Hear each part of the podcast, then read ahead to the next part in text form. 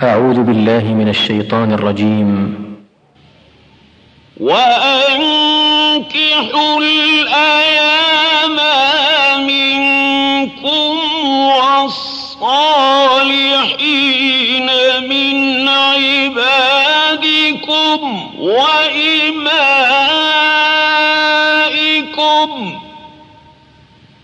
وإمائكم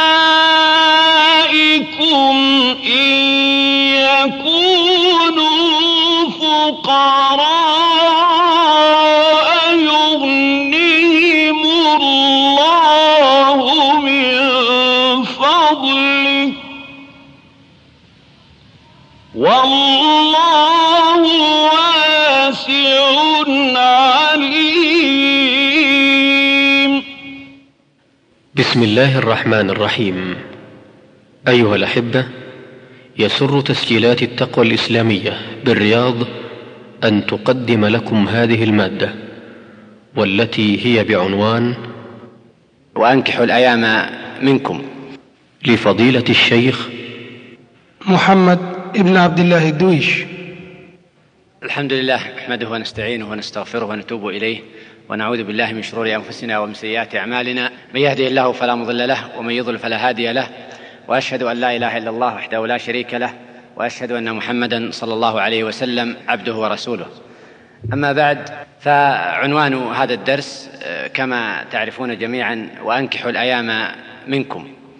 وهو الدرس المتم للعشرين من هذه الدروس التربوية آه، التي تلقى في هذا الجامع جامع السالم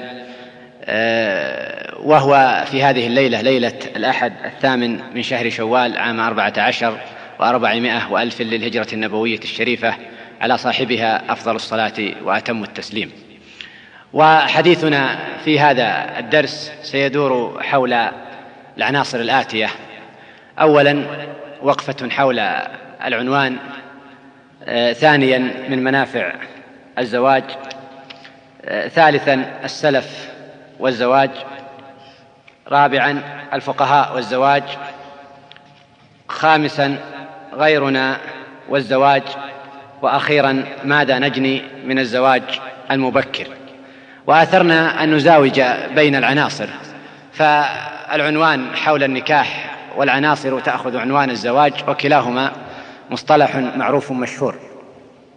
الوقفة الأولى حول العنوان والتعريف بموضوع المحاضرة وما ولمن يوجه الخطاب فيها.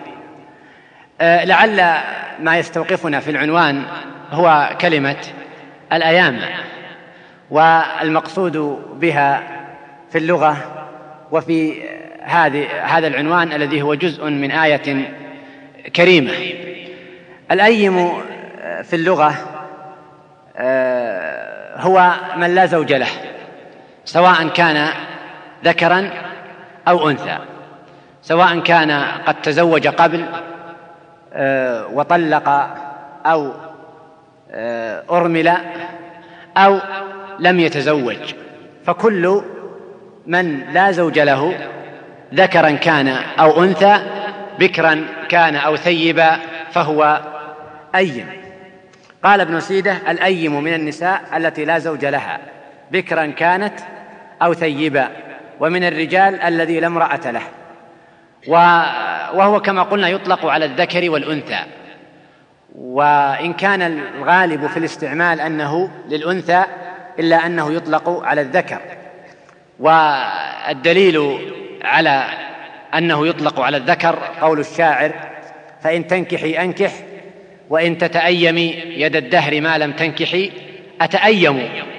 فأطلق التأيم هنا على نفسه وهو رجل مما يدل على أنه يطلق على الذكر والأنثى.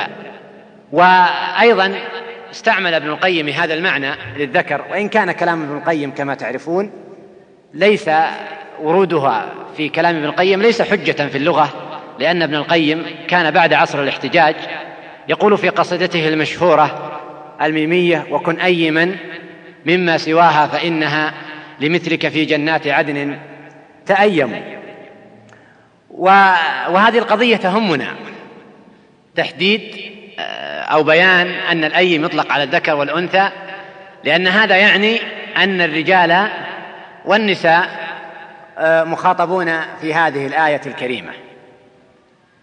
آه، حين إذا نقرر معنى الأيم والمقصود به فموضوعنا يدور حول التحريض على النكاح والترغيب فيه وبيان محاسنه وفضائله ومنزلته من دين المسلمين. وهو خطاب يعني شرائح شتى فهو يعني الايم سواء كان رجلا أو امرأة. يعنيه بدرجة أولى وأساس. لأنه هو صاحب القضية. وما لم يحمل قضيته ويعنى بها فلن يهتم به غيره. وهو يعني الأولياء. وهم كثيرا ما يقفون عقبة دون تحقيق هذا الأمر الإلهي الذي خاطب الله عز وجل به المسلمين جميعا وأنكحوا الأيام منكم. وهو أيضا يعني المجتمع كله. فإن الخطاب في هذه الآية كما أنه خطاب للأولياء من باب أولى فهو خطاب للمجتمع أن يأخذ المجتمع على عاتقه إنكاح الأيام وأن يأخذ المجتمع على عاتقه تذليل العقبات والعوائق التي تحول دون تحقيق وتطبيق هذه السنة الشرعية التي هي بمنزلة ومكانة عظيمة من دين الله عز وجل كما سيأتي بيانه. إذا فالموضوع يعني هذه الطبقات جميعا. أما ما يتعلق بالعوائق والعقبات التي تقف فعلا أو تفتعل ضد التعجيل بالزواج والنكاح فقد كان في النية التعريج عليها في هذا الدرس. ولكن كما تعلمون وكما هي العادة طال الموضوع وشعرت أن الوقت لا يتسع للحديث عن هذه العوائق فلعلي أن أفردها بمشيئة الله بحديث خاص. وقد لا يكون في هذا الدرس قد يكون مما يلقى خارج الرياض ويمكن للإخوة أن يستمعوا إليها إن شاء الله فيما بعد. آه العنصر الثاني من منافع الزواج والنكاح. آه ثمة أمور عدة تدل على قيمة الزواج والنكاح ومنفعته وآثاره سواء في الدنيا أو في الآخرة منافع دينية أو منافع دنيوية. ومن ذلك أن الله عز وجل امتن على عباده به. فامتن الله سبحانه وتعالى على عباده بالنكاح والزواج. وهذا دليل على فضله وأنه نعمة يمتن الله بها على عباده. وتستوجب الشكر ومن ثم أيضا فهي دعوة لمن لم يحصل هذه النعمة أن يسعى إليها. فإن الله عز وجل قال في سورة الروم ومن آياته أن خلقكم من تراب ثم إذا أنتم بشر تنتشرون. ومن آياته أن خلق لكم من أنفسكم أزواجا لتسكنوا إليها وجعل بينكم مودة ورحمة. فبعد أن امتن الله عز وجل على عباده بنعمة ايجادهم أصلا وخلقهم من تراب ووجودهم امتن عليهم بعد ذلك بنعمة أخرى وهي أن جعل لهم من أنفسهم أزواجا. ولعل في هذا التعقيب حكمة والعلم عند الله عز وجل. فإنه أخبر عن خلق الإنسان من تراب ابتداء. ثم الآية الثانية عقب فيها بالزواج الذي هو السبب بعد ذلك استمرار بقاء النوع الإنساني فإنه لن يخلق المرء بعد ذلك من تراب إنما سيخلق بعد ذلك بقدرة الله عز وجل من ما ينتج عن هذا الزواج وهذا النكاح. وأخبر الله عز وجل أنه جعل بين الزوجين المودة. ومن آياته أن خلق لكم من أنفسكم أزواجا لتسكنوا إليها وجعل بينكم مودة ورحمة. فأخبر الله عز وجل أنه جعل بينهم مودة. وأخبر أن الزوجة سكن للزوج والزوج سكن لها. وأخبر أيضا قال هن لباس لكم وأنتم لباس لهن. وأخبر أن المرأة حرث إلى غير ذلك من الأوصاف التي وصف الله عز وجل بها النكاح وامتن به على عباده في غير ما آية في كتابه الكريم. ثانيا أن الزواج من سنن المرسلين. فإن الله عز وجل يقول ولقد أرسلنا رسلا من قبلك وجعلنا لهم ازواجا وذرية. فأخبر الله عز وجل أنه جعل للمرسلين ازواجا وذرية. وفي سورة القصص يحكي الله عز وجل لنا أن نبيه موسى عليه السلام بقي ثمان سنين أو عشر سنين يعمل لأجل أن يحصل مهر النكاح. قال إني أريد أن أنكحك إحدى ابنتي هاتين على أن تأجرني ثماني حجج فإن أتممت عشرا فمن عندك وما أريد أن أشق عليك. وأيضا في السنة النبوية يحكي النبي صلى الله عليه وسلم أن سليمان عليه السلام قال لأطوفن الليلة على مائه امرأة تنجب كلا منها غلاما يقاتل في سبيل الله عز وجل. ونبينا صلى الله عليه وسلم توفي عن تسع نسوة. اذا فهذه النصوص وغيرها تدل على أن الزواج من سنن المرسلين ويدل على ذلك صراحة قوله صلى الله عليه وسلم. حين جاء أقوام فسألوا عن عبادته فتقالوها فعزم أحدهم ألا يتزوج النساء.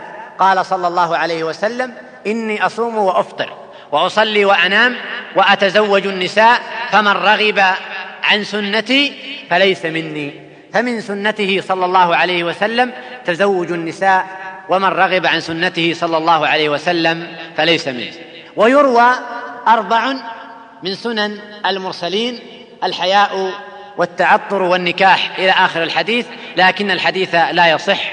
وفي الحديث السابق وبل في الآيات التي وردت في كتاب الله غنية عن ذلك كله. اذا فإذا كان المرسلون آه، فإذا كان المرسلون قد جعل الله عز وجل لهم أزواجا. وكان الزواج من سنة المرسلين وهم أعبد الناس وأعلم الناس وأكثر الناس شغلا في خدمة الناس ودعوتهم إلى دين الله عز وجل فلا مناص ولا مجال لأحد بعد ذلك أن يعتذر عن الزواج إلا أن يكون قد خالف سنة المرسلين أو أن يكون به مانع من موانع النكاح. ثالثا أن الله عز وجل قد أمر الأولياء بأن ينكحوا الأيام. فقال وأنكحوا الأيام منكم والصالحين من عبادكم وامائكم ثم عقب الله عز وجل على قضية قد تكون عائقا وعقبة لهؤلاء عن الزواج وهي قضية التكاليف إن يكونوا فقراء يغنهم الله من فضله والله واسع عليم. وهو أمر للأولياء. لأولياء الرجال لأولياء الشباب وأولياء الفتيات جميعا أن يسعوا في انكاحه وتيسير السبل أمام تحقيق هذه السنة. رابعا أن النبي صلى الله عليه وسلم أمر الشباب امرا عاما لأمته على مدى الأزمان كلها. فقال في الحديث المشهور وهو في الصحيحين يا معشر الشباب من استطاع منكم الباءة فليتزوج فإنه أغض للبصر وأحصن للفرج ومن لم يستطع فعليه بالصوم فإنه له وجاء. إنه خطاب لكل شاب وهو أيضا خطاب للفتيات فخطاب الرجال تدخل فيه النساء.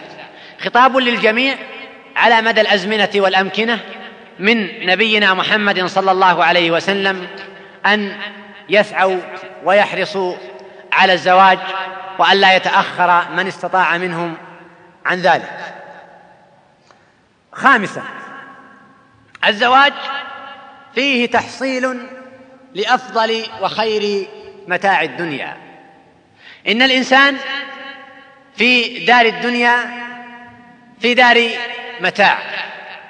متاع الدنيا وهو متاع زائل فاني وكم ينصب الناس ويتمنون لتحصيل متاع لتحصيل متاع من مال أو جاه أو ثراء أو منصب أو غير ذلك من متاع الدنيا. لكن خير متاع الدنيا كما قال صلى الله عليه وسلم في حديث عبد الله بن عمرو بن العاص رضي الله عنه أنه صلى الله عليه وسلم قال الدنيا متاع وخير متاع الدنيا المرأة الصالحة. وروى الطبراني عن ابن عباس رضي الله عنهما أن النبي صلى الله عليه وسلم قال أربع من أعطيهن فقد أعطي خير الدنيا والآخرة. قلبا شاكرا ولسانا ذاكرا وبدنا على البلاء صابرا وزوجة لا تبغيه حوبا في نفسها وماله. إذن فالزواج إدراك لأفضل وخير متاع في دار الدنيا. ولئن كان الإنسان كما قلنا يضحي ويجهد وينصب في تحصيل أي متاع من متع الدنيا من مال أو جاه أو منصب أو ثراء أو غير ذلك فإن خير متاع الدنيا أولى بذلك كله وأولى ما اجتهد المرء في تحصيله. سادسا الزواج فيه إكمال لشطر الدين. فقد روى الحاكم عن أنس رضي الله عنه أن النبي صلى الله عليه وسلم قال من رزقه الله امرأة صالحة فقد أعانه على شطر دينه فليتق الله في الشطر الباقي وفي رواية للبيهقي إذا تزوج العبد فقد استكمل نصف الدين فليتق الله في النصف الباقي. طيب هنا سؤال. لماذا كان الزواج نصف الدين؟ نعم. أحسنت. النبي صلى الله عليه وسلم قال من يضمن ما بين رجليه وما بين لحييه أضمن له الجنة. فحين يتزوج يكون قد أحصن نصف ما يضمن له يضمن له به الجنة وهو فرجه. فليتق الله في النصف الباقي. آه سابعا أيضا من آه فضائل النكاح وما يرغب فيه كأنه كما أنه صلى الله عليه وسلم قد أمر بالنكاح وحث عليه ودعا إليه فقد نهى صلى الله عليه وسلم عن التبتل والانقطاع. فيقول سعد بن أبي وقاص رضي الله عنه رد رسول الله صلى الله عليه وسلم على عثمان بن مضعون التبتل ولو أذن له لاختصينا والحديث في الصحيحين. فلم يأذن له صلى الله عليه وسلم في التبتل الذي هو الانقطاع عن النكاح. فقد رده صلى الله عليه وسلم عليه فكما أنه صلى الله عليه وسلم قد أمر بالنكاح وحث عليه فقد نهى أيضا عن التبتل والانقطاع ويدل أيضا على النهي عن التبتل آه، نهيه صلى الله عليه وسلم للثلاثة الذين تقالوا عبادته نهيهم عما عزموا عليه عما عزم عليه أحدهم من الانقطاع وترك تزوج النساء. ثامنا أن النبي صلى الله عليه وسلم قال لعبد الله بن عمرو بن العاص حين نهاه عن المبالغة في التعبد قال إن لأهلك عليك حقا وفي رواية لزوجك عليك حقا فإذا كان المرء منهيا عن المبالغة في التعبد وكما مر معنا في الدرس الماضي أن هذا الكلام قاله النبي صلى الله عليه وسلم لعبد الله بن عمرو حين كان يختم كل ليلة ويصوم كل يوم. فكما أنه آه، النبي صلى الله عليه وسلم هنا الآن نهاه عن المبالغة في العبادة على حساب حق الزوجة وواجبها هذا يدل على الدعوة إلى الزواج أصلا من باب أولى وأن العبادة لا ينبغي أن تكون على حساب النكاح والزواج. فإذا كانت لا ينبغي أن تكون على حساب أداء حق الزوجة فمن باب أولى أن لا تكون على حساب أصل الزواج أصلا. آه تاسعا أن النكاح سبب لعون الله عز وجل وتوفيقه. يقول النبي صلى الله عليه وسلم ثلاثة حق على الله عونه المكاتب يريد الذي يريد الأداء والناكح الذي يريد العفاف والمجاهد في سبيل الله. والحديث رواه الترمذي والنسائي وابن ماجه. فقد أخبر صلى الله عليه وسلم هنا في هذا الحديث أن هؤلاء ممن يستحقون العون والتوفيق من الله عز وجل. إذا نكح المرء يريد العفاف فإنه حق على الله سبحانه وتعالى أن يعينه. وقرنه صلى الله عليه وسلم بالمجاهد. في سبيل الله وبالمكاتب الذي يريد حياة الحرية والتخلص من الرق والعبودية. عاشرا أن الزواج سبب لزيادة عدد الأمة وهو أمر مطلوب وقد حث صلى الله عليه وسلم على ذلك فقال فيما رواه أبو داود والنسائي قال صلى الله عليه وسلم تزوجوا الودود الولود فإني مكاثر بكم الأمم. ونحن نرى الآن الكثير من الأمم سواء من كانت تعاني من أزمات بشرية تسعى إلى تشجيع الزواج. كما حصل في ألمانيا بعد الحرب العالمية حيث آه، واجهت نقصا حادا في الطاقة. البشرية. فسعت الدولة إلى سن قوانين تشجع على الزواج. منها فرض ضرائب على العزاب. آه، وأيضا إعانات للمتزوجين وزيادة في مكافآت الموظف إذا كان متزوجا والمساعدة في تأمين السكن. إلى غير ذلك من الإجراءات التي اتخذتها تلك الدولة لأنها ترى أنها بحاجة إلى الطاقة البشرية. والأمة الإسلامية اليوم وهي تملك طاقة بشرية أيضا هي أحوج ما تكون. وخاصة في المجتمعات الصالحة. المجتمعات الخيرة هم أولى الناس أن يسعوا إلى زيادة نسلهم لأن هذا زيادة الأخيار والصالحين في هذه الأمة. ولعلنا ندرك تماما ما يفعله بعض أصحاب النحل الضالة في بلادنا الذين يسعون إلى تكثير الزواج بصور عجيبة. حتى أنك ترى الشاب يتزوج وهو لا يزال في السادسة عشرة من عمره أو السابعة عشرة والفتاة كذلك. بل ربما تراه يعدد وهو لما يصل العشرين من عمره.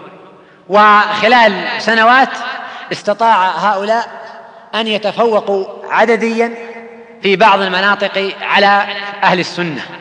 وذلك كله نتيجة آه، الحرص على زيادة النسل.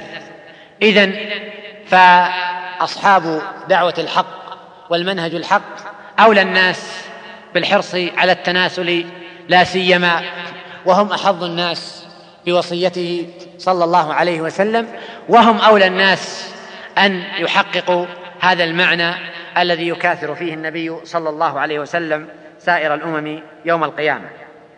الحادية عشرة أن الزواج له أثر صحي بدني وأثر نفسي وسنتحدث عن الأثر النفسي فيما بعد.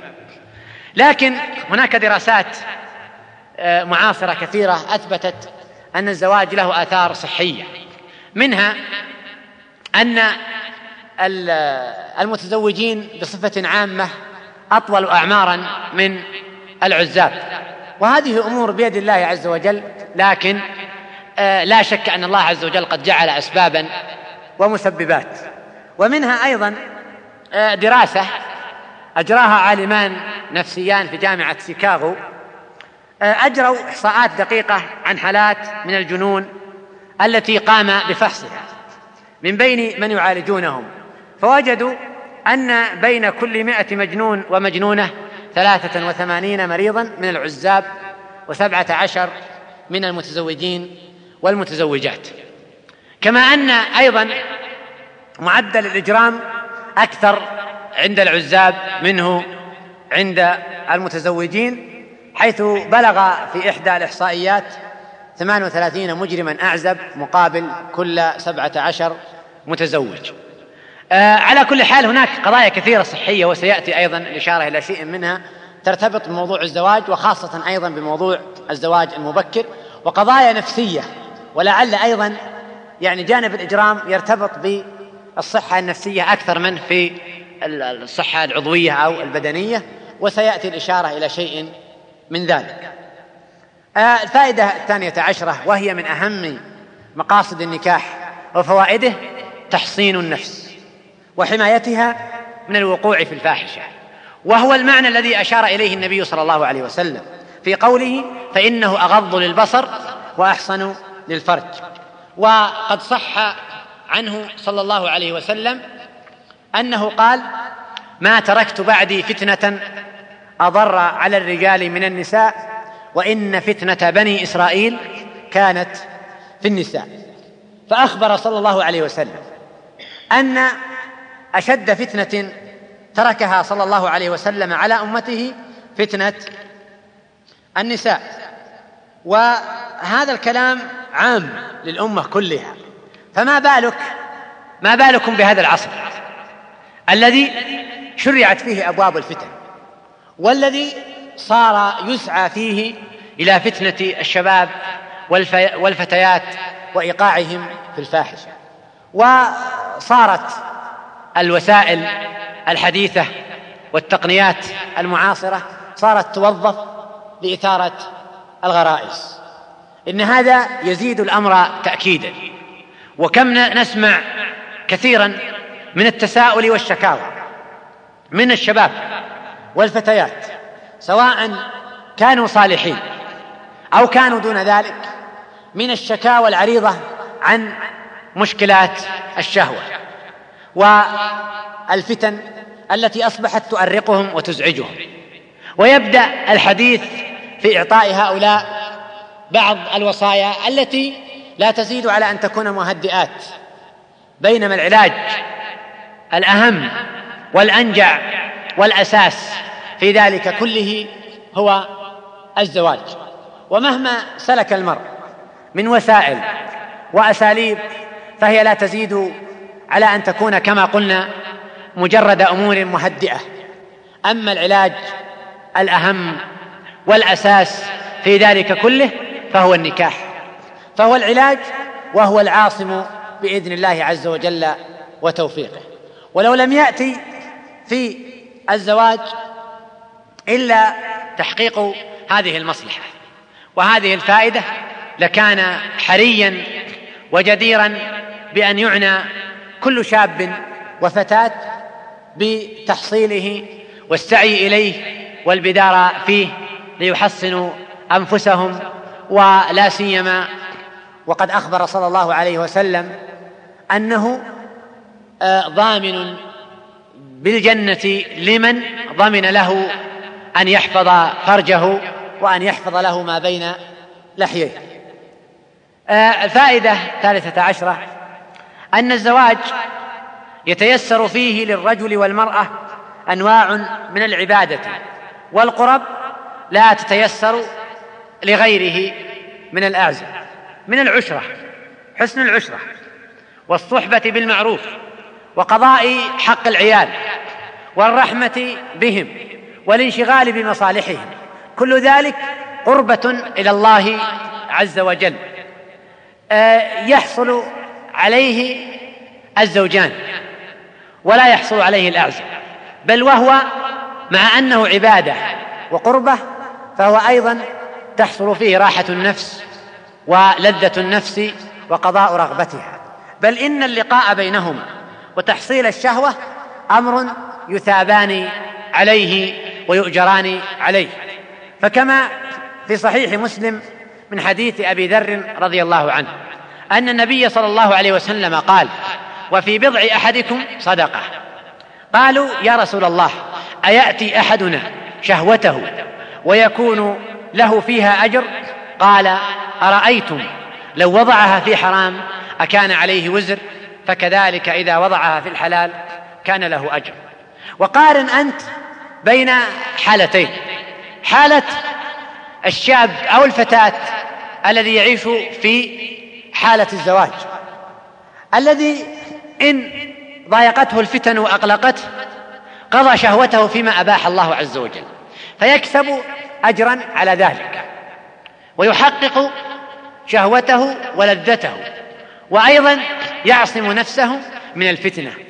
قارنها بالايم الذي عندما آه، تفتح الفتن أمام ناظريه لا يجد لها مناصا إلا الوقوع في الحرام وهذا ضريبته أليمة جدا أو المجاهدة والصبر ولكن هل ينجح في هذا الأمر؟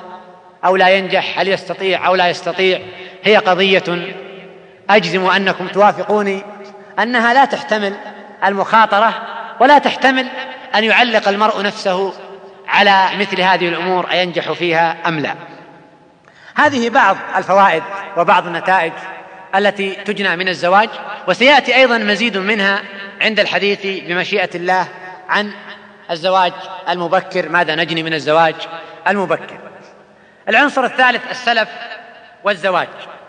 ولنورد بعض النقول عن السلف في عنايتهم بالزواج سواء من أقوالهم أو أعمالهم وكل خير في اتباع من سلف. روى البخاري عن سعيد بن جبير رضي الله عنه قال قال لابن عباس رضي الله عنه هل تزوجت؟ قلت لا. قال فتزوج فإن خير هذه الأمة أكثرها نساء. وفي رواية لأحمد بن منيع وذلك قبل أن يخرج وجهي.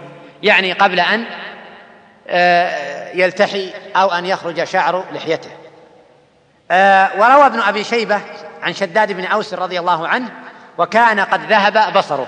قال زوجوني فإن رسول الله صلى الله عليه وسلم أوصاني ألا ألقى الله عزبا.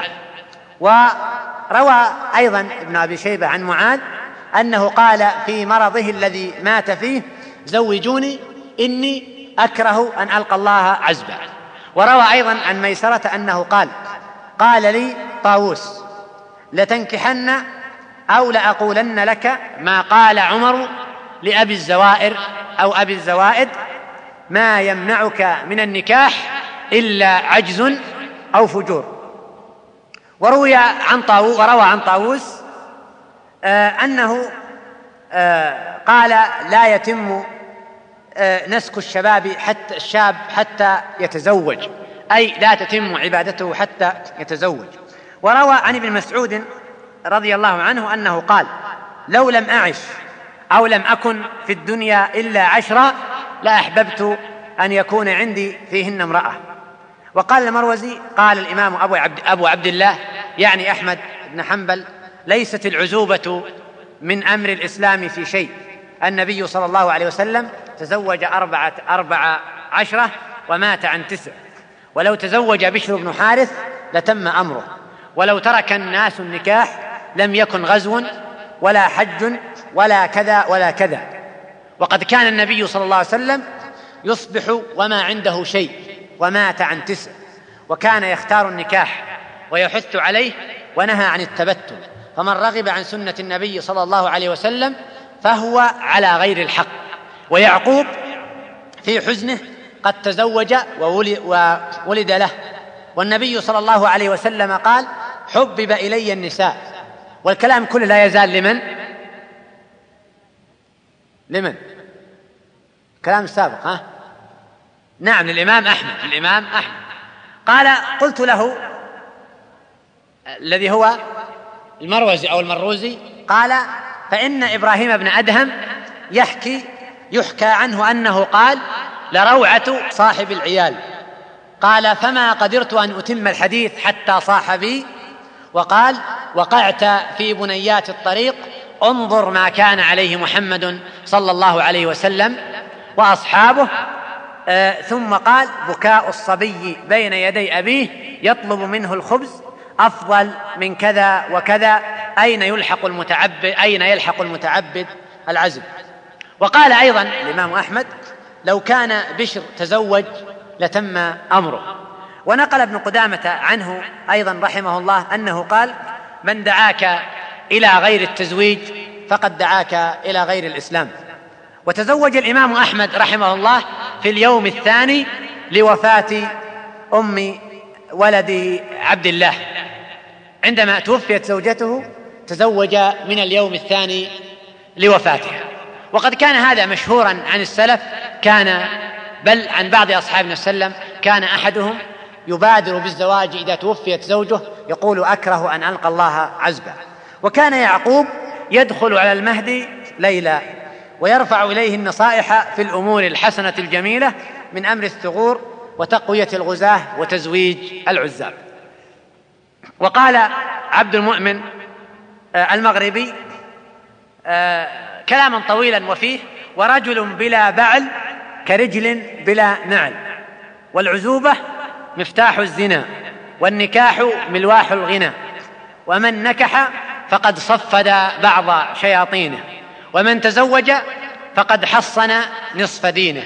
ألا فاتقوا الله في النصف الثاني فإن خراب الدين بشهوتين شهوة البطن وهي الصغرى وشهوة الفرج وهي الكبرى. فاعمر الركعتين واحكم الحصنين آه نكتفي بهذه النقول وإلا فالنقول كثيرة عن السلف في ذلك لنذكر أيضا بعض النقول عن الفقهاء الذين تحدثوا عن حكم الزواج وما يتعلق به. وليس هذا وقت تقرير حكم أصلا الزواج والتفصيل فيه إنما فقط ما نريده استشهادا لقيمة النكاح عند فقهاء الأمة الأعلام. فهم يتحدثون في مبدأ كتاب النكاح يتحدثون عن الزواج وأهميته. الفقهاء فقهاء الحنفية يعقبون آه، العبادات بباب النكاح. بعد كتاب الحج يريدون كتاب النكاح. آه، بخلاف طبعا المعهود عندنا في الحنابلة بعد الحج ماذا يأتي؟ أي باب؟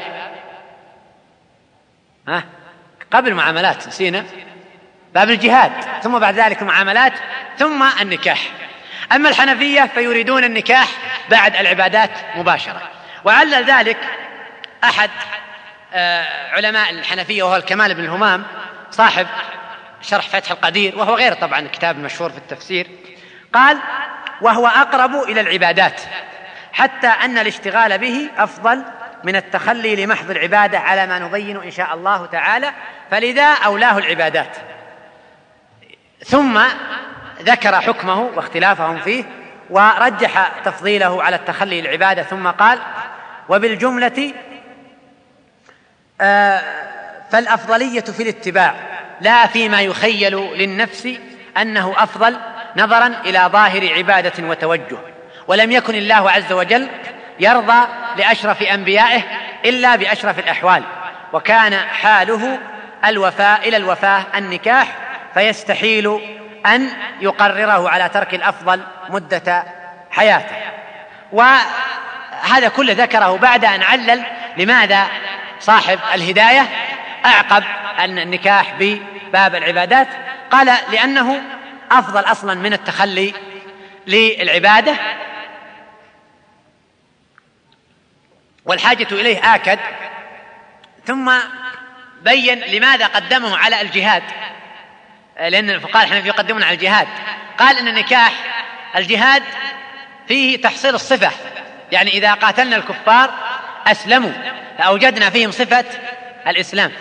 أما النكاح ففيه تحصيل الصفة والموصوف. فيه تحصيل الصفة والموصوف. لأنه فيه يولد الرجل الذي يكون مسلما. ثم قال والذي يدخل الإسلام بالنكاح أكثر ممن يدخل الإسلام بالسيف والجهاد. والجهاد ولهذا أعقبه أعقبوه مباشرة باب العبادات.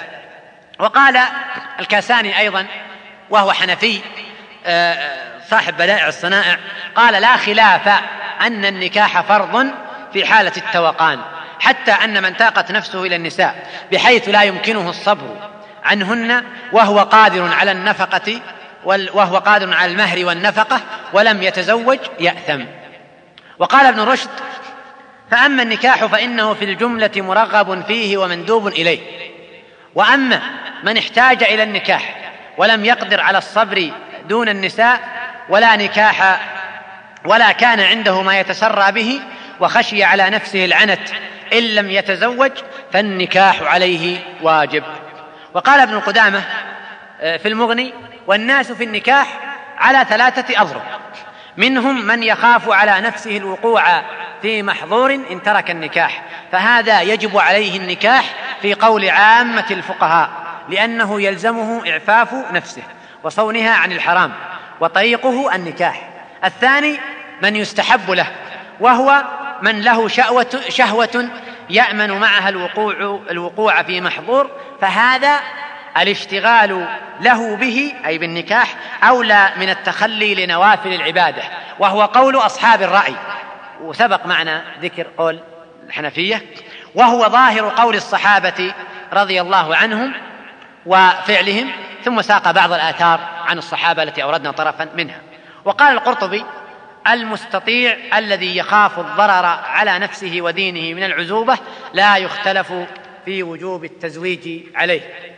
وقال شيخ الإسلام ابن تيمية رحمه الله وإن احتاج الناس الإنسان إلى النكاح وخشي العنت وخشي العنت بتركه قدمه على الحج الواجب وإن لم يخف قدم الحج ونص عليه الإمام أحمد في رواية صالح وغيره واختاره أبو بكر. وهذا دليل طبعا أكيد على أنه يرى الوجوب بل تأكد الوجوب لأنه لا يمكن يقدمه على النكاح وهو واجب إلا إذا كان يرى وجوبه رحمه الله. آه رابعا غيرنا والزواج. وهذا الاصطلاح من كتاب الله عز وجل يقول الله سبحانه وتعالى في الوصية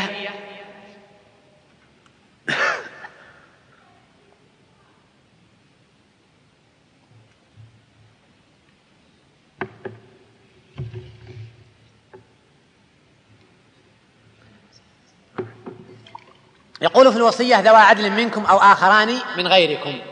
فوصف الكفار بأنهم من غيره ونورد بعض النقول عن سيرهم وعاداتهم وطبائعهم في حرصهم أو دعوتهم إلى الزواج ولم يكن الزواج مرغبا لأن أولئك دعوا إليه. وليست القضية للاستشهاد بهم. لكن إذا كان أولئك يدركون شأنه وقيمته فوهم لا يجدون مانعا ولا حاجزا من ممارسة الحرام والرذيلة فغيرهم من باب أولى وآكل. أولا الأمم القديمة كان العزوبة عيبا عندهم. بل في كثير من معتقدات الأمم القديمة وهي معتقدات وثنية وجاهلية يرون أن من مات وهو لم يتزوج أنه غير داخل تحت رحمة الإله. وليس هذا هو الذي نستشهد به. لكن هذا كان نتيجة شعور أولئك بأن الزواج ضرورة. وكانوا يعيبون على المتزوج على على الأعزب ويصفونه بأوصاف يستحى منها حتى أنه كان يستحي أن يقابل الناس على اختلاف في عوائد الأقوام والطوائف والناس مما يضيق الوقت عن ذكره. وأيضا في أوروبا في العصور الوسطى آه، كانت أيضا تعنى بالزواج والحرص عليه والتشجيع عليه. فقد أصدر لويس الرابع عشر في عام 1661 ميلادي مرسوما يقضي بإعفاء الذين تزوجوا وكان سنهم أقل من عشرين سنة حتى الخامسة والعشرين آه، من الضرائب. وفي عام 1798 آه، أيضا سن قانون لحماية الإيجارات لقيمة الإيجارات وفرض الجباية. فضاعف الضرائب على العزاب الذين سنهم عشرون عاما فما فوق. والإجراءات التي يتخذها أولئك كثيرة وأشرنا أيضا إلى ما اتخذته ألمانيا بعد الحرب العالمية وغيرها. ويتنادى بعض عقلائهم بالزواج المبكر. وفي عبارة جميلة يقولها أحد عقلائهم إن كان فيهم من يعقل يقول آه ولسنا نرى مقدار الشر الاجتماعي الذي يمكن أن أن نجعل تأخير الزواج مسؤولا عنه. ولا ريب أن بعض هذا الشر يرجع إلى ما فينا من رغبة في التعدد لم تهذب التعدد عندهم ما هو التعدد آه، الشرعي. آه، يقول ولكن معظم الشر معظم هذا الشر يرجع في أكبر الظن في عصرنا الحاضر إلى التأجيل الطبيعي إلى التأجيل غير الطبيعي للحياة الزوجية. وما يحدث من إباحة بعد الزواج فهو في الغالب ثمرة التعود قبله. وقد نحاول فهم العلل الحيوية والاجتماعية في هذه الصناعة المزدهرة وقد نتجاوز عنها باعتبار أنها أمر لا مفر منه في عالم خلقه الإنسان. وهذا هو الرأي لمعظم المفكرين في الوقت الحاضر غير أنه من المخجل أن نرضى في سرور عن صورة نصف مليون فتاة عن صورة نصف مليون فتاة أمريكية يقدمن أنفسهن ضحايا على مذبح الإباحية. ولا يقل الجانب الآخر من الصورة كآبة لأن كل رجل حين يؤجل الزواج يصاحب فتيات الشوارع ممن يتسكعن في ابتذال ظاهر ويقول أيضا وهو ويل ديورانت الذي أوردنا كلامه السابق يقول كان البشر في الماضي يتزوجون باكرا وكان ذلك حلا صحيحا للمشكلة الجنسية. أما اليوم فقد أخذ سن الزواج يتأخر كما أن هناك أشخاصا لا يتوانون عن تبديل خواتم الخطبة مرارا عديدة فالحكومات التي ستنجح في نص القوانين التي تسهل الزواج الباكر ستكون جديرة بالتقدير لأنها تكشف بذلك أعظم حل لمشكلة الجنس في عصرنا الحاضر. وكما قلت حينما نرد أقوال هؤلاء لا يعني أننا لأجل أن نحتج بهم. وأيضا قد نتحفظ على كلمات كثيرة أو عبارات يريدونها لكن المقصود أنه إذا كان أولئك وهم أصحاب الإباحية والفجور وهم الذين لا يرون أي مانع وأي وازع من الممارسة القذرة المحرمة يدعون إلى الزواج المبكر فأصحاب الفطرة السليمة. الذين يرون أن هذا سورا لا يجوز أن يتجاوزوه الذين يرون أن هذا حدا لا يجوز أن يخرقوه وتلك تلك حدود الله فلا تعتدوها. ومن يتعد حدود الله فأولئك هم الظالمون الذين يرون هذا من حدود الله. أولى وآكد أن يعنوا وأن تصدر منهم مثل هذه الأصوات. وأخيرا ماذا نجني من الزواج المبكر؟ أولا الفوائد والمنافع السابقة التي سردناها مصالح الزواج كلها مصالح حين يبادر الشاب والفتاة في الزواج فإنهم يبادرون في تحصيل تلك المنافع والمصالح. ثانيا ما يع... ما أشرنا إليه من معاناة الشاب والفتاة خصوصا من جحيم الشهوة وألمها ومشكلاتها. والتي أصبحت تلاحق الشاب والفتاة أينما حل وحيثما ارتحل في كل مكان وموطن في المنزل والشارع واللقاء مع مع الزملاء والأصحاب أو مع الزميلات والصاحبات في الهاتف إذا سافر وإذا أقام. صارت هذه الشهوة جحيما يعاني منه الجميع وخاصة الشباب. ففي الزواج المبكر حل لهذه المشكلة وهذا الداء الذي يعانون منه. ثالثا الاستقرار النفسي والراحة. والاستقرار النفسي أمر يحتاج إليه الإنسان وخاصة الشاب. وإذا مرت هذه المرحلة دون أن يستقر فيها المرء استقرارا نفسيا ويعيش فيها حياة مستقرة فإنه يفوت على نفسه فرصة ذهبية من فرص العمر لا تتكرر ولا يمكن أبدا أن يعدلها ما يأتي بعدها. ولا يمكن أن يحقق الشاب ولا الفتاة الاستقرار النفسي التام دون الزواج. ونعود مرة أخرى إلى أيضا شهادات الغربيين.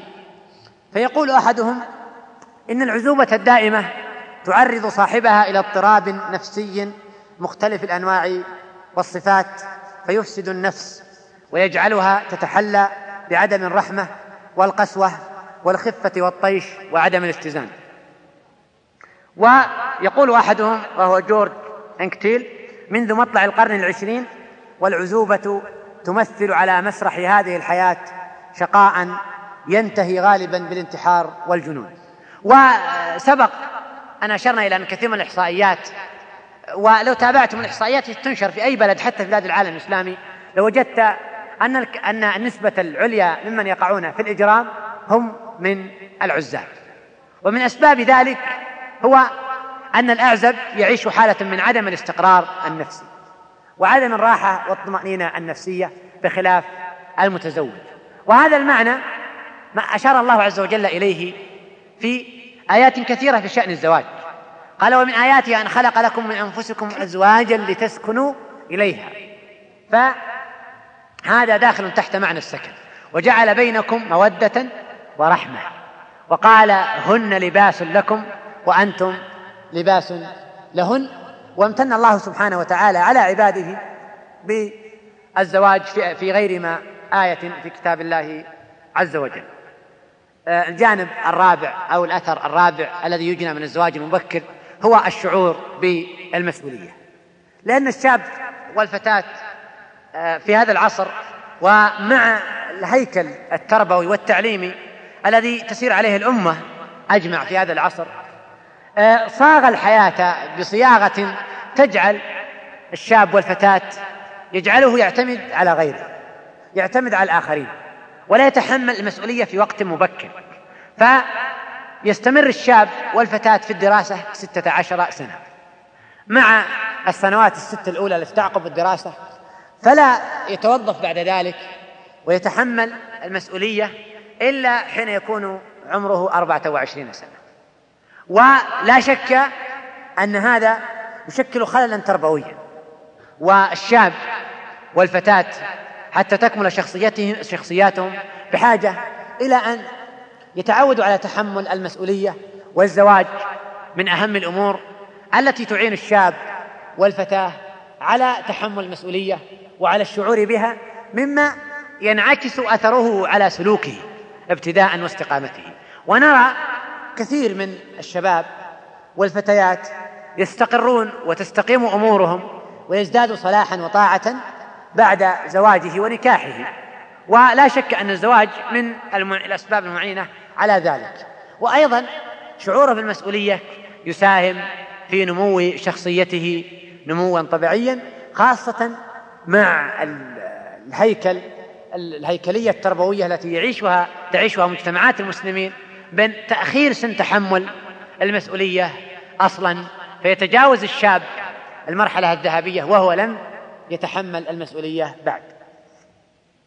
الخامس آه، أن الزواج المبكر يتيح التربية السليمة للأبناء والبنات. كيف؟ لأن الشاب إذا تزوج مبكرا ستكون المسافة العمرية بينه وبين ابنه قريبة. فيكون مثلا قبل أن يصل عمر الثلاثين وهو قد جاءه الأطفال. فيحسن التعامل معه. عندما يكون مثلا ابنه قد بلغ سن التكليف يكون هو في الأربعين في الخامسة والثلاثين. فيحسن التعامل معه يحسن تربيته يحسن الدخول معه. لكن إذا أخر الزواج لا. عندما يكون عمره خمسين سنة أو ستين سنة يبدأ ابنه قد بلغ سن التكليف. فيكون الأب أصلا قد صار يعيش عقلية غير عقلية الشاب. صار في فجوة حضارية. مدة خمسين سنة كافي أن تتغير فيها العادات والطبائع والظروف. ولهذا من من أهم المعاناة اللي نعاني منها تربويا الآن وأشرنا إليها في أحد الدروس السابقة في درس يا أبتي الفجوة الحضارية بين الأب والابن. أن الأب عاش في عصر والابن عاش في عصر آخر. فإذا كان الإنسان تزوج متأخرا سيكون فارق العمر بينه وبين ابنه أو الأم بينه وبين ابنتها فارقا واسعا مما يوسع الفجوة الحضارية وهذا لا شك يترتب عليه خلل في التربية. أيضا جانب آخر من الأمور المهمة تربويا أن أن يكون الأب آه، يتعامل مع ابنه معاملة مودة حسن عشرة ولطافة والأم كذلك. أن تسد الأم الفراغ العاطفي اللي تعاني منه الفتاة وكثير من المشكلات اللي تعاني منها الفتيات الآن يرجع سببها إلى وجود فراغ عاطفي لم تسده الأم. أو الشاب كذلك يجد أن الأب بعيدا عنه. طيب عندما يكون الأب الإنسان تزوج متأخرا ما يستطيع كبير السن لا يستطيع أصلا أن يتبسط مع ابنه الشاب بقدر فعلا يسد له هذا الفراغ. طيب يمكن أن يعترض أحدكم يقول هذا بالنسبة لي الابن الأول والثاني والثالث أو البنت الأولى والثانية والثالثة لكن فيما بعد؟ يعني هو سيستمر يرزقه الله بالأبناء والبنات إلى سن أربعين إلى سن خمسين. الذين يأتون فيما بعد فيه من سبقهم فهو إذا أحسن تربية الأبناء الأوائل سيعينونه على تربية من يليهم مباشرة وسيقومون بالدور نفسه الذي يقوم به الأب. إذا فمن أهم الأمور التي تعين الأب على تربية أبنائه وتعين الأمة على تربية بناتها وأبنائها الزواج المبكر لأنه يقلل من المسافة العمرية بين الأب أو الأم وبين الابن أو البنت. آه، الفائدة السادسة أيضا من الزواج المبكر أن يتيسر من يقوم بأعباء المنزل بالنسبة للأب وبالنسبة للأم. وهذا أمر مهم جدا لأن الأب ينشغل مثلا يعني كلما تقدم به السن ازدادت مشاغله. فإذا كان قد بلغ مثلا الأربعين وجد عنده ابن قد بلغ سن التكليف وقريبا من ذلك. والأم أيضا وجدت عندها بنت كذلك. فما تحتاج الأم إلى خادمة لأنها قد وجدت عندها بنت تقوم بأعباء المنزل. وإذا تزوجت ستليها بنت بعد ذلك لأن الأصل هو كثرة النسل. والأب كذلك وجد الابن الذي يقوم عنه بأعباء المنزل بخلاف الذي يتزوج متأخرا. فسيضطر بعد ذلك إلى حلول أخرى قضية سائق أو خادم أو غير ذلك. أو يكون هناك مشكلات في أعباء المنزل مما يجعل الأب يتفرغ أكثر في المستقبل. إذا بلغ الأربعين يتفرغ أكثر للتحصيل أكثر للاستقرار يتفرغ للعبادة يتفرغ لأمور خاصة إذا كان داعية وكان رجل مؤثر يمكن يتفرغ أكثر فيصبح المنزل لا يشكل عليه أي عبء. أعباء المنزل أصبح يقوم بها أبنائه وهو في عمر الأربعين في, في الريعان في السن التي يمكن أن ينتج بها ويؤثر فإن الأنبياء كانوا في هذه السن. فإذا كان وصل إلى سن أربعين وقريبا منها وقد كفي شؤون منزله لم يعد هناك ما يشغله في المنزل بخلاف ما إذا كان قد تزوج متأخرا. سابعا الزواج المبكر مدعاة لكثرة الولد الصالح. والنبي صلى الله عليه وسلم قد أخبر أنه إذا مات ابن آدم انقطع عمله إلا من ثلاث من صدقة جارية أو علم ينتفع به أو ولد صالح يدعو له. فإذا تزوج مبكرا كان هذا أدعى إلى كثرة تحقيق الولد الصالح خاصة أنه سيتيسر له أن يربيه ويرعاه مما يحقق له بعد ذلك امتدادا لعمله بعد وفاته كما أخبر النبي صلى الله عليه وسلم. ثامنا آه، الزواج المبكر أو عادة يقولون أن الأبناء والبنات الذين يولدون من أبوين وأمين آه، في مقتبل العمر يكونون أكثر نجابة وذكاء. وقد أشار إلى ذلك الماوردي يقول إن أنجب الأولاد خلقا وخلقا من كان سن أمه بين العشرين والثلاثين.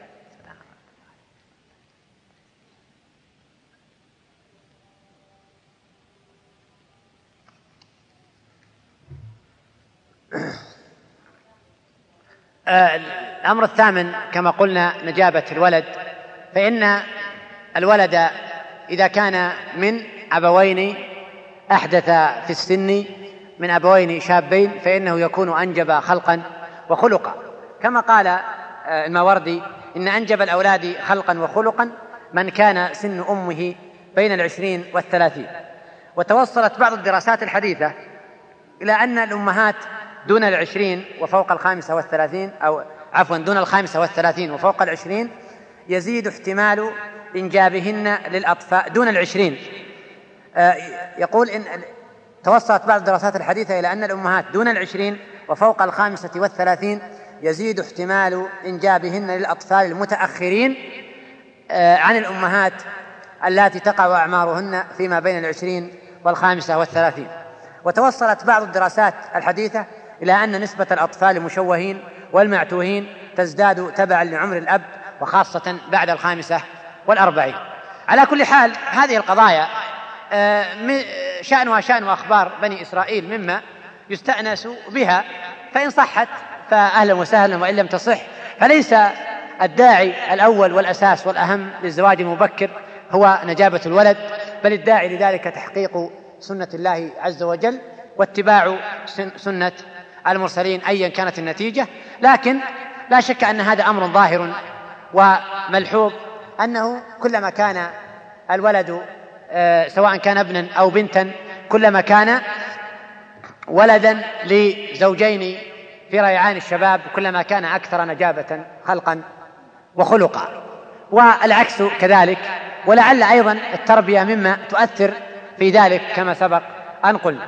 هذه بعض الأمور التي تؤيد آه، الزواج آه، المبكر وتحث عليه والمبادرة فيه. وقبل أن أختم المحاضرة فيه كلمة رائعة طويلة للأديب علي الطنطاوي بأصبح رسالة إلى يا ابني آه، لعلي أقرأ مقتطفات منها فهي طويلة. يقول لماذا تكتب إلي على تردد واستحياء؟ تحسب أنك وحدك الذي يحس هذه الوقدة في أعصابه من ضرم الشهوة وأنك أنت وحدك الذي اختص بها دون الناس أجمعين. لا يا بني هون عليك فليس الذي تشكو داؤك داءك وحدك ولكنه داء, داء الشباب.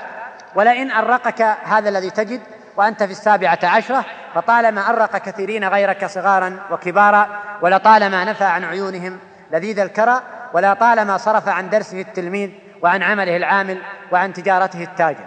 فماذا يصنع الفتى في هذه السنوات وهي أشد سني العمر اضطرام شهوة واضطراب جسد وهياجا وغليانا ماذا يصنع؟ هذه هي المشكلة. أما سنة الله وطبيعة النفس فتقول له تزوج. وأما أوضاع المجتمع وأساليب التعليم فتقول له اختر إحدى ثلاث كلها شر. ولكن إياك أن تفكر في الرابعة التي هي وحدها الخير وهي الزواج.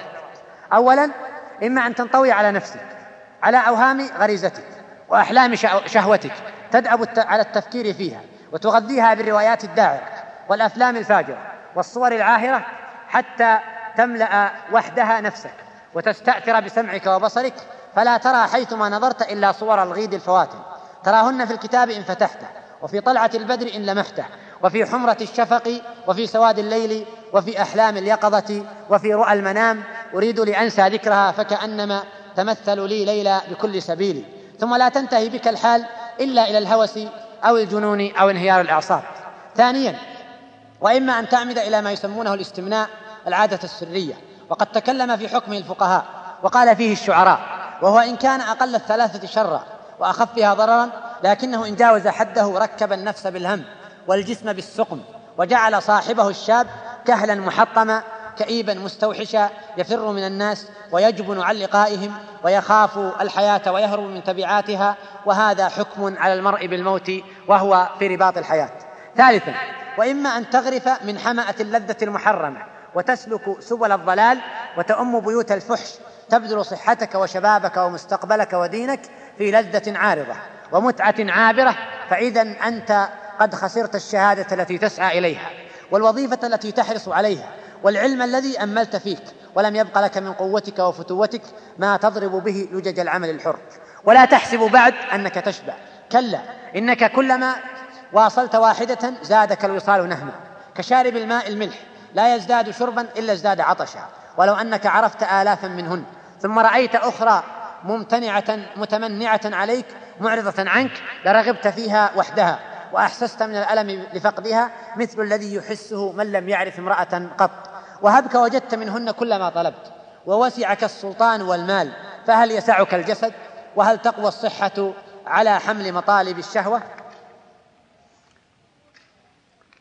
آه يقول وكأني أسمعك تقول هذا الداء فما الدواء؟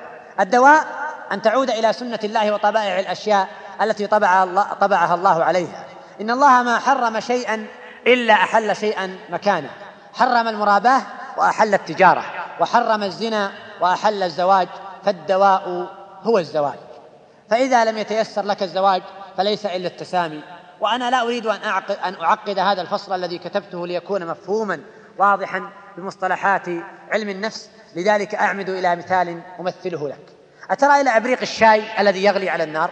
إنك إن سددته فأحكمت سده وأوقدت عليه فجره البخار المحبوس. وإن خرقته سال ماؤه فاحترق الإبريق. وإن وصلت به ذراعا كذراع القاطرة أدار لك المصنع وسير القطار وعمل الأعاجيب. فالأولى حال من يحبس نفسه على شهوته يفكر فيها ويعكف عليها. والثانية حال من يتبع سبيل الضلال ويؤم مواطن اللذة المحرمة. والثالثة حالة المتسامي المستعف. إلى أن قال هذا هو الدواء الزواج وهو العلاج الكامل فإن لم يمكن فالتسامي وهو مسكن مؤقت ولكنه مسكن قوي ينفع ولا يؤذي آه، ثم تحدث عن الاختلاط ودعوتهم إلى ذلك. يقول وإذا نحن جوزنا للشباب ارتيادها فاستغنوا بذلك عن الزواج فماذا نصنع بالبنات؟ هل نفتح لهن أيضا محلات عمومية فيها بغايا من الذكور كلام فارغ يا بني والله وما تقوله عقولهم ولكن غرائزهم وما يريدون إصلاح الأخلاق ولا تقدم ولا تقدم المرأة ولا نشر المدنية ولا الروح الرياضية ولا الحياة الجامعية إنما هي ألفاظ يتلمظون بها ويبتدعون كل يوم جديدا منها يهولون بها على الناس ويروجون بها لدعوتهم وما يريدون إلا أن نخرج لهم بناتنا وأخواتنا ليستمتعوا برؤية الظاهر والمخفي من أجسادهن وينالوا الحلال والحرام من المتعة بهن. ثم قال بعد ذلك وبعد فيا ابني عليك بالزواج ولو أنك طالب لا تزال فإن لم تستطعه فاعتصم بخوف الله والانغماس في العبادة والدرس. إلى آخر آه، كلامه. آه، نكتفي بهذا القدر لنجيب على بعض الأسئلة.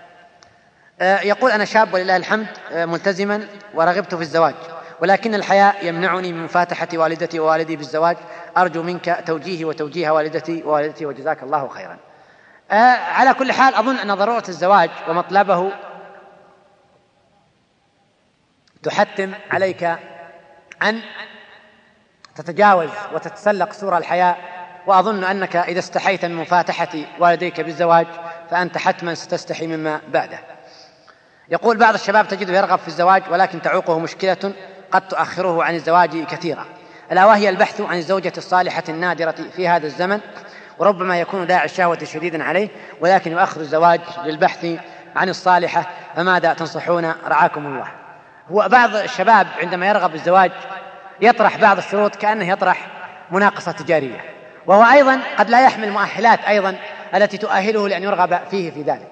فحرص الشاب على رفيقة العمر وعلى مواصفاتها أمر مطلوب لكن أيضا يجب أن يعتدل. وأما ما يقوله بأن الزوجة الصالحة نادرة في هذا الزمان فهذا قول غير صحيح ولا رصيد له من الواقع. فالحمد لله الآن البيوت مليئة بالزوجات الصالحات الخيرات القانتات التي يصلحن لمثل هذا الشاب وأمثاله. يقول نرى بعض الشباب قبل الزواج نشيطا وحريصا على الخير وما أن يتزوج حتى تقل الهمة وربما يتخلف كثيرا عن صلاة الفجر مع الجماعة فبماذا تصحون هؤلاء الشباب؟ هذه ظاهرة لكن نرى كثيرا أيضا من الشباب ممن يكون مفرطا مهملا فإذا تزوج ازداد حرصا وطاعة وعبادة لله عز وجل. فلماذا نأخذ هذه الصورة ونترك الصورة الأخرى؟ هذا جانب. والجانب الثاني إذا كان يحصل هذا من البعض فالداء ليس في أصل الزواج. فالزواج أمر شرعه الله عز وجل.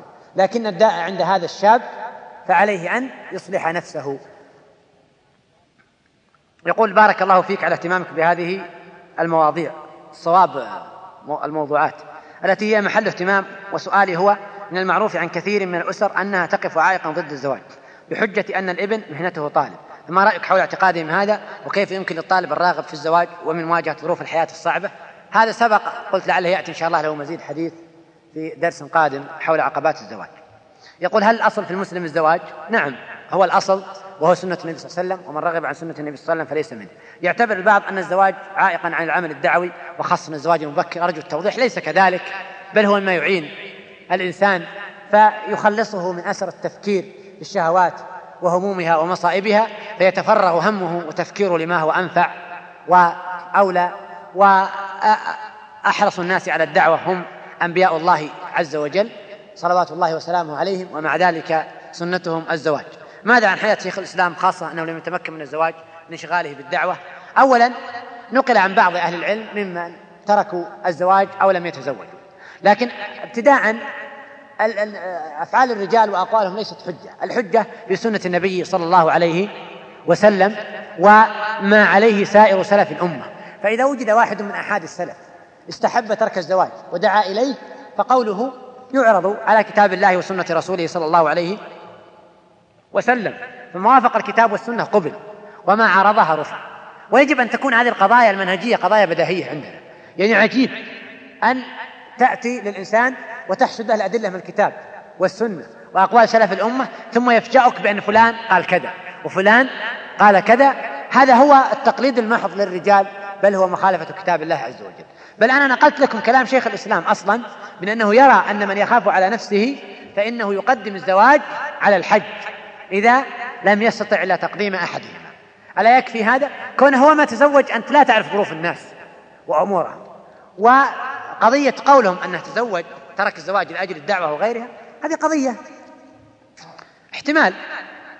المعنى لا يدركه إلا صاحبه. وقد يكون يعني من تأخر عن الزواج من السلف قد يكون بعضهم عنده مانع من الموانع قد يكون عنده سبب أمر لم يبده قد يكون عنده اجتهاد. أيا كان فالسنة هي سنة النبي صلى الله عليه وسلم ومن مضى من سلف الأمة وما خالفها فهو آه، صاحبه نعتذر له ونرى أن له عذرا لكن ليس عمله حجة وبإمكانكم أن تقرأوا كتاب شيخ بكر وزيد العلماء الذين لم يتزوجوا والرد على من وحد السبب.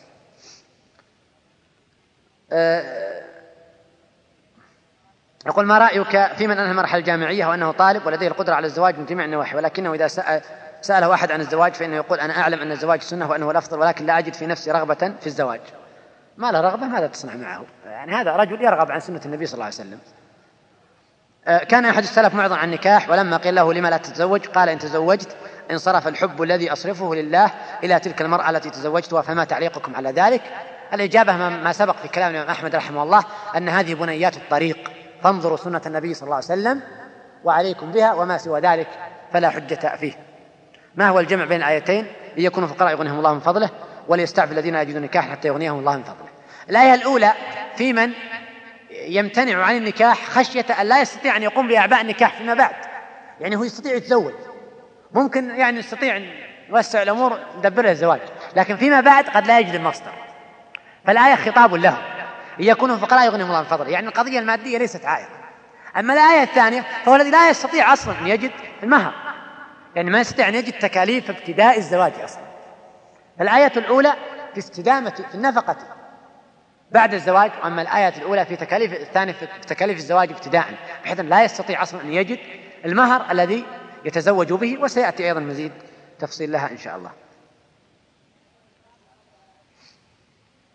يقول أنا شاب عرضت على أبي فكرة الزواج فسر بها واستبشر وحثني عليها ثم بعد أن مضى فترة من الزمن أخطأت خطأ بسيطا وهي زلة لسان مني فإذا بأبي يفتر عن هذه الفكرة ويعرض عنها بل وكأنه يرفضها بتاتا.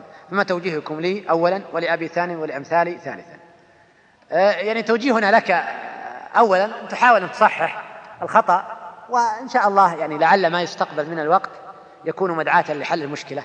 أما الأب فلا يجوز أن تكون مثل هذه القضايا التافهة عائقا عن تحقيق هذا الأمر والسنة التي يحتاج إليها الابن ويحتاج إليها المجتمع وتحتاج إليها الأمة جميعا. وأما وصيتي لأمثاله ثالثا فهي أن يحرصوا على الزواج. يقول أنا طالب أريد الزواج وغيري من الأصدقاء كذلك لكن العائق الوحيد الوالدان. يقولون من أين تعيشها وتلبسها وأنت طالب؟ ويعنون الزوجة. الإجابة على ذلك قول الله عز وجل إن يكونوا فقراء يغنيهم الله من فضله. يقول أنا أريد الزواج ولكني أجد في نفسي شيئا حيث أن لي أختا أكبر مني بثمان سنين ولم تتزوج وأخشى على نفسيتها من التحطيم. وأخشى أن ينظر الناس إليها بأنها بنت لا تصلح للزواج بدليل أن ثلاثة من إخوانها الذين هم أصغر منها قد تزوجوا فما توجيهكم لنا حفظكم الله. يعني أولا لا تزر وازرة وزر أخرى. فما هو حل؟ ما يعالج الخطأ بخطأ آخر. هذا ليس عائقا. ف... وليس صحيح أن أن الناس يعني يتحطمون لأجل أن إخوانها الصغار تزوجوا. ثم الأمر الآخر أنت بإمكانك أنك تسعى أنت في حل مشكلة.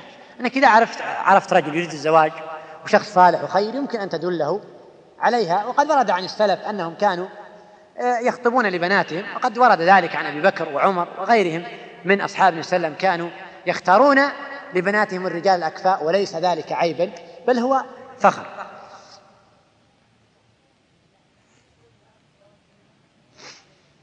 يقول إذا أردت الزواج فإنها قد تشترط علي ألا أكثر من خروجي من البيت وحتى النوم خارج المنزل فكيف يمكن لي البقاء في المنزل؟ فأنا لست بطفل ولا امرأة وجزاكم الله خيرا.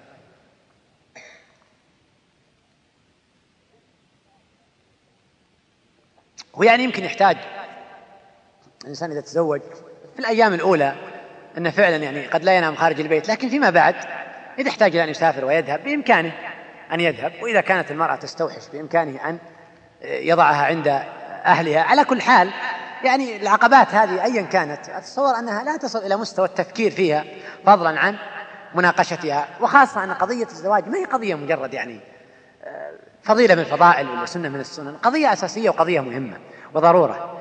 فلا يمكن أن ترقى مثل هذه العقبات إلى أن تناقش أصلا في مقابلها فضلا عن تكون عائقا حقيقيا.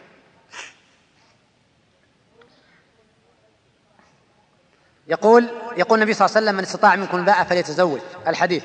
انطلاقا من هذا الحديث أردت أن أكمل نصف ديني وأبحث عن زوجة صالحة لي ولكنني وجدت صعوبة في هذا الطريق فتلك تريد أن تكمل دراستها وتلك ترفض وتلك وتلك وبقي أن تقول وتلك توافق لأن فيه في ناس كثير يتزوجون وتوافق الفتاة.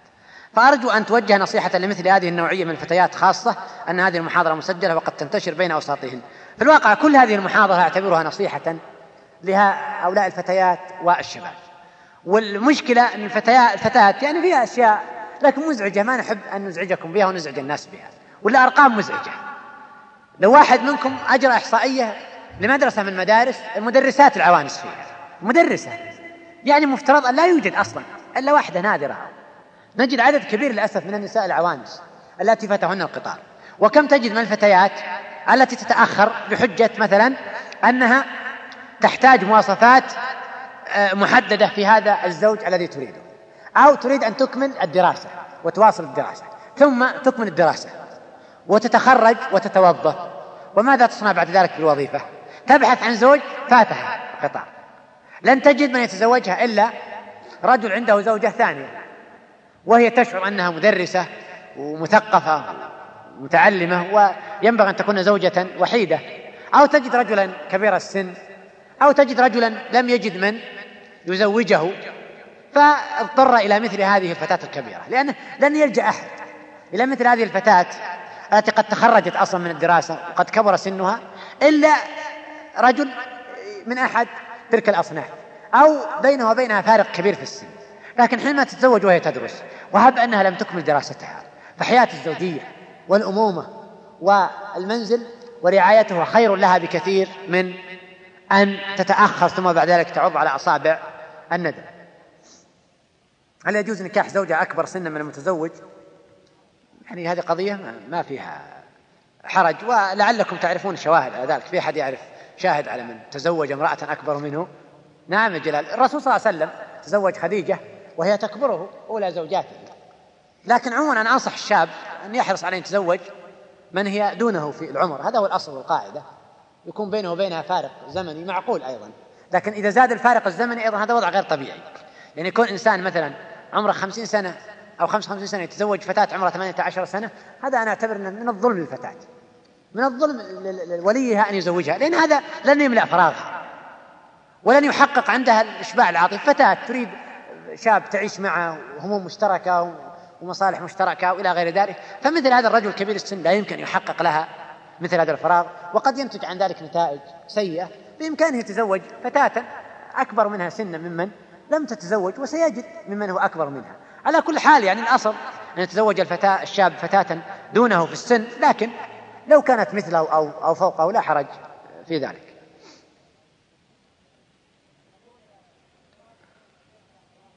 يقول الزواج يعتمد كثيرا بعد الله عز وجل على نوعية الزوجة وعلى طبيعة تربية النفس على أحكام الزواج. من حسن عشرة وغير ذلك. وتعلمون أن بعض الشباب قد يتزوج زوجة تعطله كثيرا عن الخير والدعوة والجهاد والعلم. فهل ذكرت بعض النصائح والمواصفات؟ الزوجة الصالحة وذكرت أيضا بعض النصائح حفظكم الله في سلبيات الزواج وكيفية تجنبها. يعني هو النبي صلى الله عليه وسلم يقول باختصار فاظفر بذات الدين تربت يداك. ومن أهم المواصفات في الزوجة الصالحة أن تكون أولا ذات دين ومطيعة لله عز وجل ثم أن تتخلق بخير ما يمدح به النساء الحياة. وأن تكون حسنة الخلق.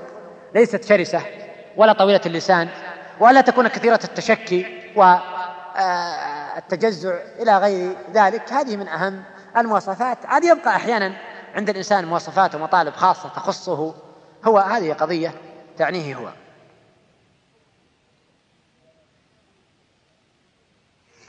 آه، طيب آه، يعني نعتذر. آه،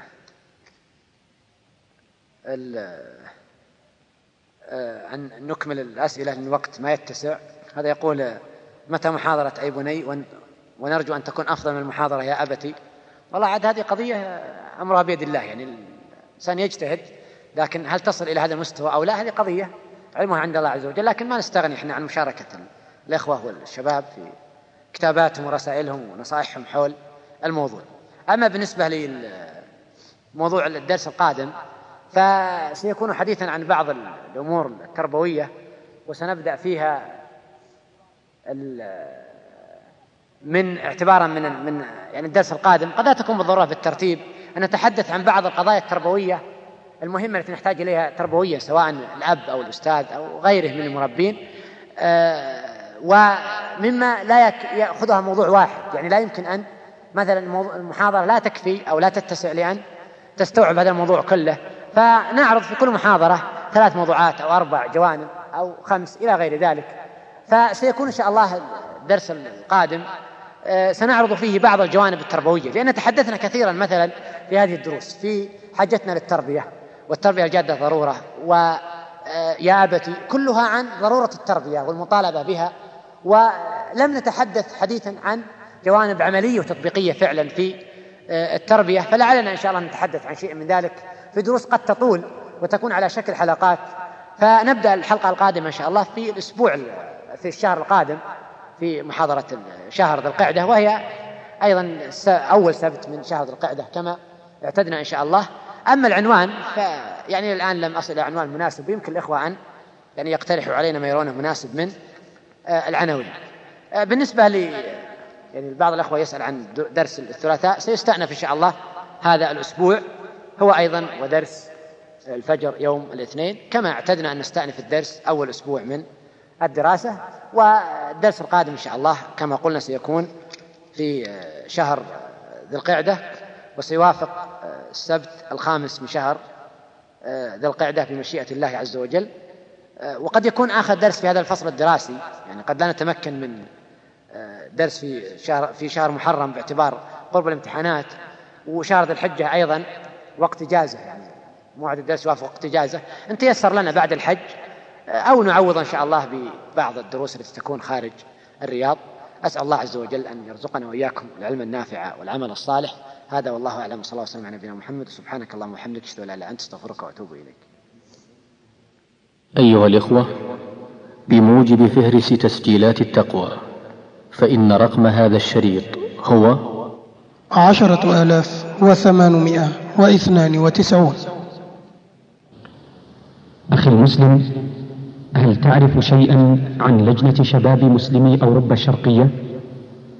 لقد أسست الندوة العالمية للشباب الإسلامي لجنة للاهتمام بالمسلمين في أوروبا الشرقية أولئك الذين أبعدوا عن إسلامهم سنوات طويلة تحت وطأة الشيوعية وقد أنشئت هذه اللجنة لإعادتهم إلى إسلامهم وإلى إيمانهم الصحيح على منهج السلف الصالح من الكتاب والسنة. وقد حرصت اللجنة على تحقيق أهداف الندوة العالمية للشباب الإسلامي. ومن أهم تلك الأهداف اولا خدمة الفكر الإسلامي على أساس التوحيد الخالص لله تعالى والعمل على تعميق الشعور بالعزة الإسلامية بين الشباب المسلم هناك. ثانيا دعم المنظمات والجمعيات الإسلامية المهتمة بالشباب المسلم هناك وتنسيق العمل معهم لخدمة هذا الدين. ومن برامج عمل اللجنة اولا المشاركة في تأسيس مراكز إسلامية في دول شرق أوروبا للشباب المسلم. ثانيا اختيار مجموعة من الكتب والنشرات عن الإسلام لترجمتها إلى اللغات المحلية ليتم طبعها في المستقبل العاجل.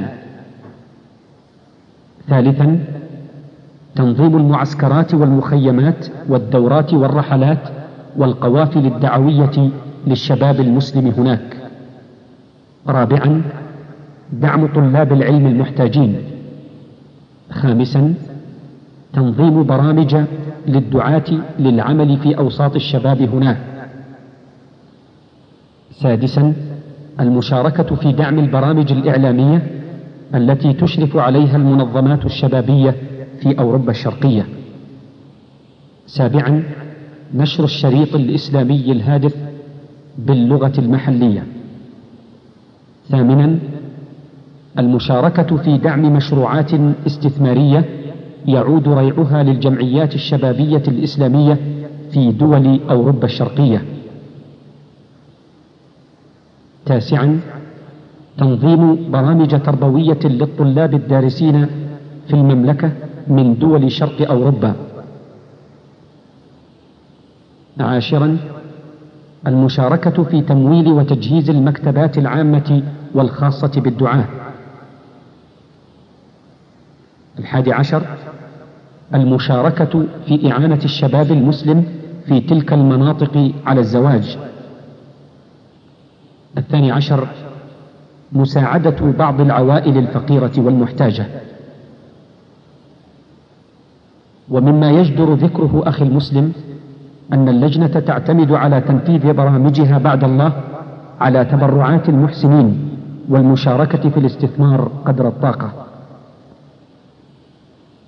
لذا نأمل منك أخانا الكريم أن تساهم في التبرع للمشاركة في تنفيذ برامج اللجنة ودعمها بما تجود به نفسك من صدقاتك وزكاتك وذلك على حساب رقم ثلاثة آلاف وستمائة وخمسة وأربعون تقسيم واحد.